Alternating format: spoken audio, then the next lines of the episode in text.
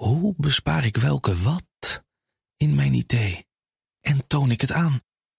Lenklen, Virtuf Partner. Lenklen, betrokken expertise, gedreven innovaties. Goedemorgen, dit is de Week van Energia op vrijdag 25 november. Ik ben Ilse Akkermans en bij mij in de studio is co-host en hoofdredacteur van Energia Wouter Hielkema. En we hebben het deze week over de kabinetsplan om een eenmalige solidariteitsheffing voor gasproducenten in te voeren. Redacteur Jeroen Savelkoels vertelt zometeen wat deze plannen mogelijk nog in de weg kan zitten. Maar eerst nemen Wouter en ik weer het nieuws van deze week door. Gebouwgebonden financiering, een belofte uit het klimaatakkoord, moet per 2025 mogelijk zijn. Minister van Wonen Hugo de Jonge wil daarvoor een robuust juridisch kader optuigen. Tot nog toe bleken de juridische drempels steeds te hoog.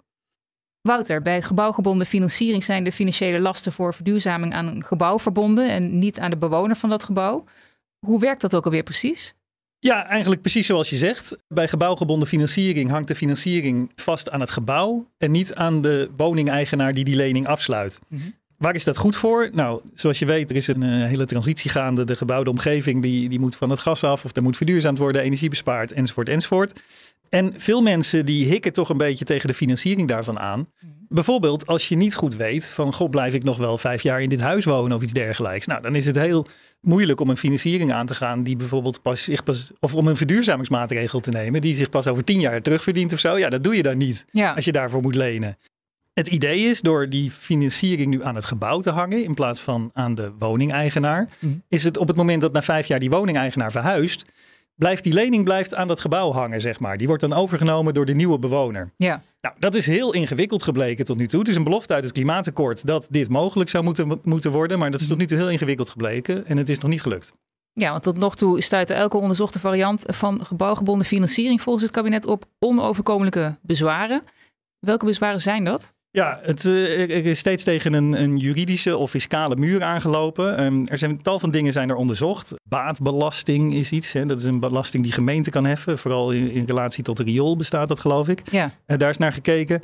Wijzigingen van het burgerlijk wetboek. De Kamer heeft zelf initiatiefwetten aangekondigd. Nou, er zijn allemaal, allemaal routes verkend. Maar steeds ja, bleek dat toch juridisch niet mogelijk. Of de financieringspartijen, de banken wilden niet meewerken. Mhm. Of eh, anderszins waren er praktische bezwaren. Ehm, ja, er, er werden steeds te hoge drempels eh, gevonden. Ja, en hoe wil de minister deze bezwaren nu toch wegnemen? Nou, minister De Jonge die meldt dat hij in een bestaand wetsartikel in de wet op financieel toezicht een artikel heeft gevonden. En dat artikel bepaalt dat deze wet niet van toepassing is als aan een bepaalde set voorwaarden is voldaan. Mhm. En dat lijkt nu het geitenpaadje te zijn dat, dat het mogelijk maakt om toch die gebouwgebonden financiering eh, voor elkaar te krijgen. Mhm. Die set voorwaarden waar dan eh, sprake van moet zijn, dat is eh, bijvoorbeeld dat de maatregel voor algemeen belang moet zijn. De groep waar de maatregel voor geldt, die moet zijn afgebakend. Zo zijn er nog een paar dingen. Mhm. Dit wetsartikel in die wet op financieel toezicht, die maakt dat de, de, de andere maatregelen die nog genomen moeten worden om gebouwgebonden financiering mogelijk te maken, dat die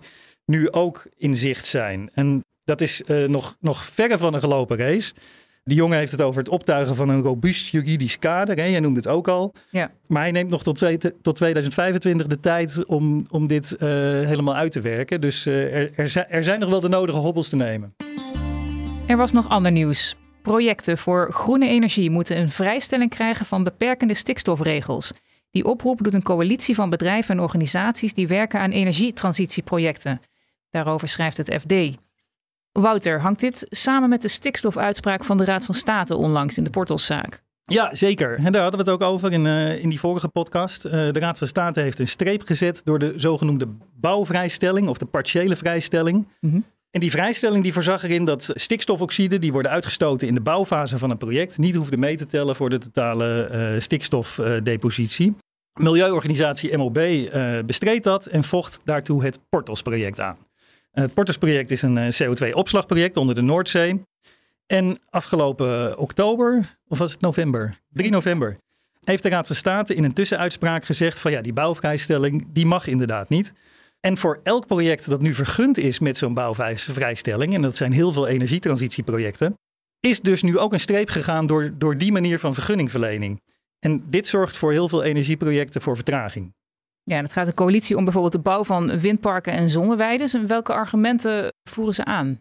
Ja, Karel Grol schreef hierover in het Financiële Dagblad. En dat is doorgeplaatst op enegaia.nl. Mhm. In een brief die ook aan de Tweede Kamer is gestuurd, stelt die coalitie van bedrijven en brancheorganisaties dat energietransitieprojecten moeten worden gezien als projecten met dwingende reden van groot openbaar belang. En dergelijke projecten zouden dan via het zogeheten stikstofregistratiesysteem de ruimte moeten krijgen om ja, toch doorgang te kunnen vinden. Ja, Heel kort betekent dat dat ze eigenlijk, als ze die kwalificatie hebben van algemeen belang, dat ze dan gebruik mogen maken van de stikstofruimte die elders door sanering van een varkenshouderij of zo wordt verkregen. ja. eh, dat ze daar gebruik van mogen maken.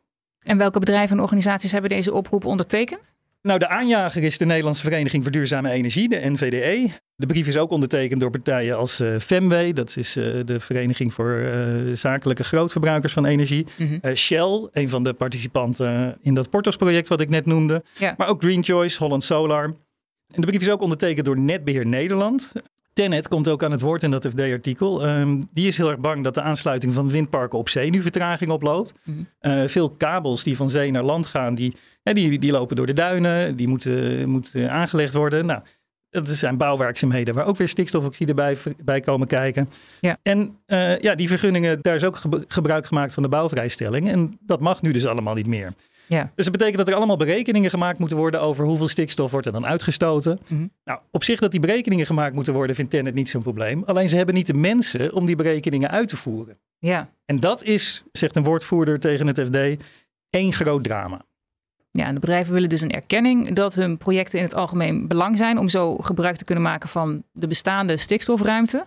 Wat stellen ze voor om het probleem dat Tennet noemt dan op te lossen? Nou, een van de actiepunten in de brief is om een landelijke pool van stikstofdeskundigen en ecologen te creëren. En dat is dan één grote pool met alle deskundigheid die nodig is om, om die vergunningen op basis van stikstof in orde te maken. Mhm. En die zouden dan gemeentes, provincies, het Rijk, maar ook bedrijven die groene projecten eh, willen bouwen, kunnen bijstaan ja, om die vergunningen op orde te krijgen. Het kabinet neemt vandaag een besluit over de eh, maatregelen die nodig zijn om uit de stikstofimpasse te komen. Dus hou dat in de gaten op energia.nl. Energieleveranciers moeten wettelijk verplicht worden een vast contract aan te bieden. Tenminste, als het aan minister Jette ligt. Dan hebben kleinverbruikers de keuze tussen een energiecontract met een variabele prijs en een met een vast tarief en meer zekerheid. Wouter, gezien de huidige marktsituatie bieden energieleveranciers al een tijdje geen contracten meer aan met een lange looptijd. Wat speelt daarbij allemaal een rol? De sterk schommelende energieprijzen die, die maken het voor leveranciers heel erg lastig om eh lange termijn contracten te kunnen bieden. Dat heeft te maken met hun eigen inkoop. Die is duurder, dat is risicovoller om prijzen voor langere tijd vast te leggen. Partijen, hè, producenten of, of, of handelspartijen die energie aanbieden voor levering in de toekomst. Die hebben te maken met zogenoemde garantstellingen of margins. Die zijn heel erg hoog. Mhm. Die hangen samen met de hoeveelheid energie die je in de toekomst gaat leveren. Daar moet je een bepaalde garantstelling voor, voor bieden. Totdat die levering daadwerkelijk heeft plaatsgevonden. Ja. En als de energieprijzen heel hoog zijn, worden die garantstellingen ook heel hoog. Nou, dat voor sommige bedrijven is dat, eh, eh, levert dat problemen op om die garantstelling te kunnen bieden. Daardoor is het een tijdje heel erg moeilijk geweest om überhaupt eh, voor de langere termijn energie in te kopen. En dat heeft er weer toe geleid dat eh, ja, de energie vooral op de korte termijnmarkten worden verhandeld. Het daar ook door de leveranciers vooral eh, kan worden ingekocht. Ja. En dus dat aan consumenten ook alleen maar korte termijn contracten, ja, variabele contracten geboden kunnen worden. En hoe wil minister Jette deze problemen oplossen? Nou, er zijn twee dingen eigenlijk belangrijk. Ten eerste wil hij wettelijk vastleggen dat er een eh, vast contract moet worden geboden. Mhm. Maar goed, dat is dus voor die bedrijven heel erg lastig, omdat ze daarbij risico's lopen. En die risico's kunnen ze op dit moment kunnen ze die niet verwerken in, in hun contracten. Op dit moment is de opzegvergoeding voor, voor een consument om zijn contract op te zeggen, die is heel laag, die is iets van 50 euro. Om dit te verbeteren worden de richtsnoeren redelijke opzegvergoeding, ook wel rover genoemd, die moeten zo spoedig, spoedig mogelijk worden aangepast. Ja. Eh, nou, de ACM, de toezichthouder, is daar al een tijdje mee bezig. Regeringspartijen CDA en VVD vroegen er eerder ook al om. En eh, de bedoeling is dat die opzegvergoeding dus veel meer reflecteert wat het mogelijke verlies is van een leverancier wanneer die klant opstapt. En op het moment dat eh, dat goed geregeld is, is de verwachting dat leveranciers minder risico lopen bij het bieden van langere termijncontracten, minimaal een jaar. En dan wil Jette dus ook in de wet opnemen dat dat verplicht moet worden om contracten van minimaal een jaar aan te bieden. Dankjewel voor je toelichting weer, Wouter. De Tweede Kamer steunt de kabinetsplannen voor een eenmalige solidariteitsheffing voor gasproducenten. Over de plannen en wat deze mogelijk nog in de weg kunnen zitten, praten we met redacteur Jeroen Savelkoels. Welkom Jeroen. Goedemorgen. Ja, Jeroen, het belasten van overwinsten van gasbedrijven komt daarmee weer een stapje dichterbij. Ja, um, jij volgt dit voor ons. Misschien goed om eerst even de achtergrond te schetsen. Waar is dit allemaal om te doen? Nou, het kabinet heeft een voorstel uh, ingediend voor het uh, belasten van de overwinsten in 2022, dus het lopende jaar, van een, uh, een, bredere groep van fossiele bedrijven, olie, gas en steenkoolbedrijven. Maar het zijn met name de gasproducenten die hier mee te maken gaan krijgen. Komt voort uit een Europese verordening. Dus Europa stelt het eigenlijk verplicht dat, dat we dit gaan doen. En lidstaten kunnen hiermee uh, minstens 33% van de overwinsten gaan belasten. Uh, mag ook meer, hoeft niet. Het kabinet heeft ervoor gekozen om op dat minimum van 33% te gaan zitten. Nou, dat is uh, voorgesteld door het kabinet en daar is deze week over gedebatteerd in de Tweede Kamer. En daar lijkt toch wel brede steun voor te zijn van links tot rechts in de Kamer om minimaal die 33% te gaan, te gaan belasten. En dat geldt dan voor het lopende jaar? Ja, dat geldt voor het lopende jaar. Dus dat wordt met terugwerkende kracht wordt dat ingevoerd. Ja, en dan geldt het voor één jaar en vanaf 2023 en 2024 zijn dan andere belastingen. Ja, daarvoor gaat een andere maatregel, die is al eerder aangekondigd op Prinsjesdag. Er is een zogenaamde SEINS voor uh, gasproductie. Die wordt uh, verhoogd. En um, die verhoging die geldt voorlopig voor 2023 en 2024.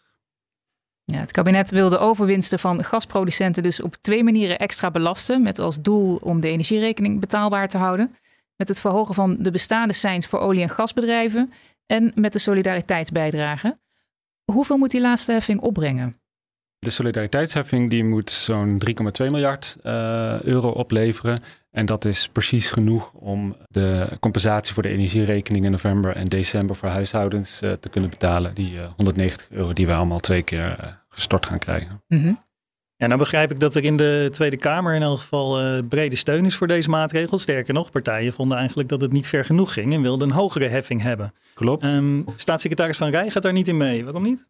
Uh, GroenLinks en Partij van de Arbeid hebben een abonnement ingediend om het percentage te verhogen naar 49,5% Ik denk dat dat het maximum is dat de verordening uh, toestaat.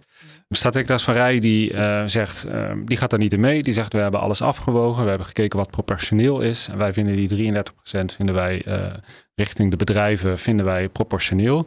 En hij zegt als je op een hoger percentage gaat zitten, dan maakt ons dat extra juridisch kwetsbaar of het zorgt voor een verhoogd juridisch uh, risico. Ja, en daarom kiest hij daar niet voor. Uh, dus eigenlijk is hij bang dat uh, bedrijven deze belasting, deze solidariteitsheffing gaan aanvechten voor de rechten en dat ze misschien ook nog wel eens gelijk kunnen gaan krijgen. Ja, want die kans op een rechtszaak, die is er. Hè. De gassector die kondigt al aan serieus een gang naar de rechter te overwegen als de solidariteitsheffing er komt. Ja, dat klopt. Het is niet zozeer de sector als geheel die dat dan gaat doen, maar het zullen dan individuele bedrijven zijn die eerst uh, bezwaar gaan aan, uh, aantekenen tegen uh, ja, de heffing die door de Belastingdienst wordt gedaan. En dat kan dan uitmonden in een, in een rechtszaak. Maar in ieder geval, de sector heeft daar wel op gezinspeeld, dat dat zeker tot, tot de mogelijkheden behoort. Mm -hmm. En uit het debat proefde ik ook wel een beetje dat de staatssecretaris daar ook wel ja, rekening mee houdt. En daar ja, dus ook wel een beetje bang voor is dat hij daar kwetsbaar in staat in zo'n zaak. Ja, ja, die gasproducenten ze zijn het principieel oneens met de maatregel. Ja, ja met name het, het, grootste bezwaar zit hem in die uh, terugwerkende kracht. Want dat is toch wel heel iets unieks dat een, uh, uh, op het einde van het jaar opeens een nieuwe belastingmaatregel wordt ingevoerd. Die betekent dat je over dat lopende jaar nog eens belasting moet gaan betalen. Dat is heel bijzonder. En nou dat maakt het een beetje kwetsbaar. De staatssecretaris zegt, nou, we hebben in ieder geval uh, de verordening uh, van Europa die achter ons staat. Wij uh, doen het met die steun of we moeten het daarom doen. Dus dat helpt ons. Maar desalniettemin is het toch bijzonder. Ja, maar juist dat Europese signatuur van deze maatregel, die, dat is ook een van de, van de dingen die door de gasbedrijven wordt bestreden, toch? Dat klopt. Uh, de gasbedrijven die uh, zien dit als een soort van precedent of opmaat uh, voor Europese belastingen. Dat is iets waar Nederland zich eigenlijk altijd, altijd tegen heeft verzet. Ik weet niet of dat dan een, een rol zal spelen in zo'n juridi eventuele juridische zaak. Maar dat is wel iets waar zij ook, uh, ook moeite mee hebben. Klopt. En kan een rechtszaak de solidariteitsheffing nog blokkeren? Dat denk ik niet. Ik denk niet dat het zo werkt. Ik denk wat er eh, op het spel dan staat in zo'n zaak is gewoon de individuele uh, heffing voor een individueel bedrijf. Mm -hmm. En wat daar dan uit gaat komen en wat voor effecten dat dan heeft op de solidariteitsheffing als geheel en voor andere, uh, andere bedrijven, dat moeten we dan, uh, moeten dan gaan zien. Dat is stap 2. Ja. Ik begrijp dat de VVD een soort uh, tegemoetkoming ook heeft voorgesteld in het Kamerdebat in de vorm van een investeringsaftrek. Kun je daar wat meer over zeggen?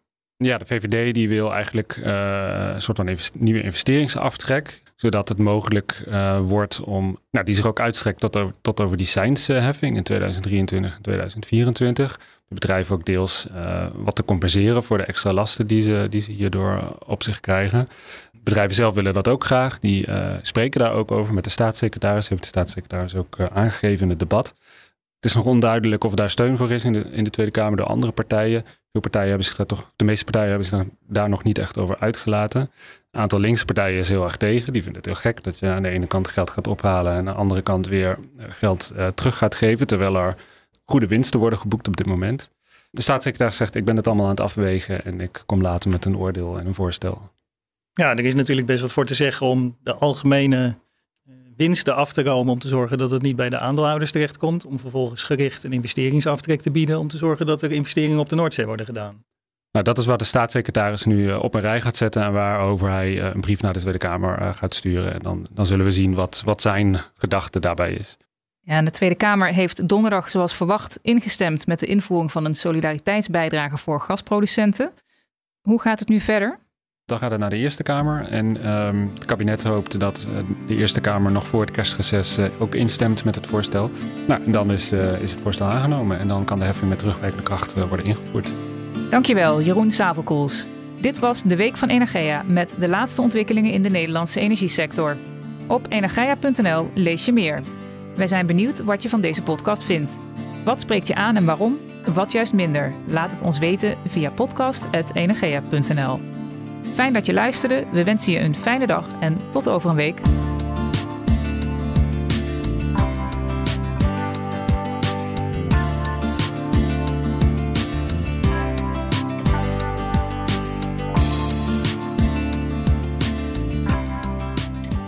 Hoe bespaar ik welke wat in mijn idee en toon ik het aan? Lenklen, Virtuf Partner. Lenklen, betrokken expertise Gedreven innovaties.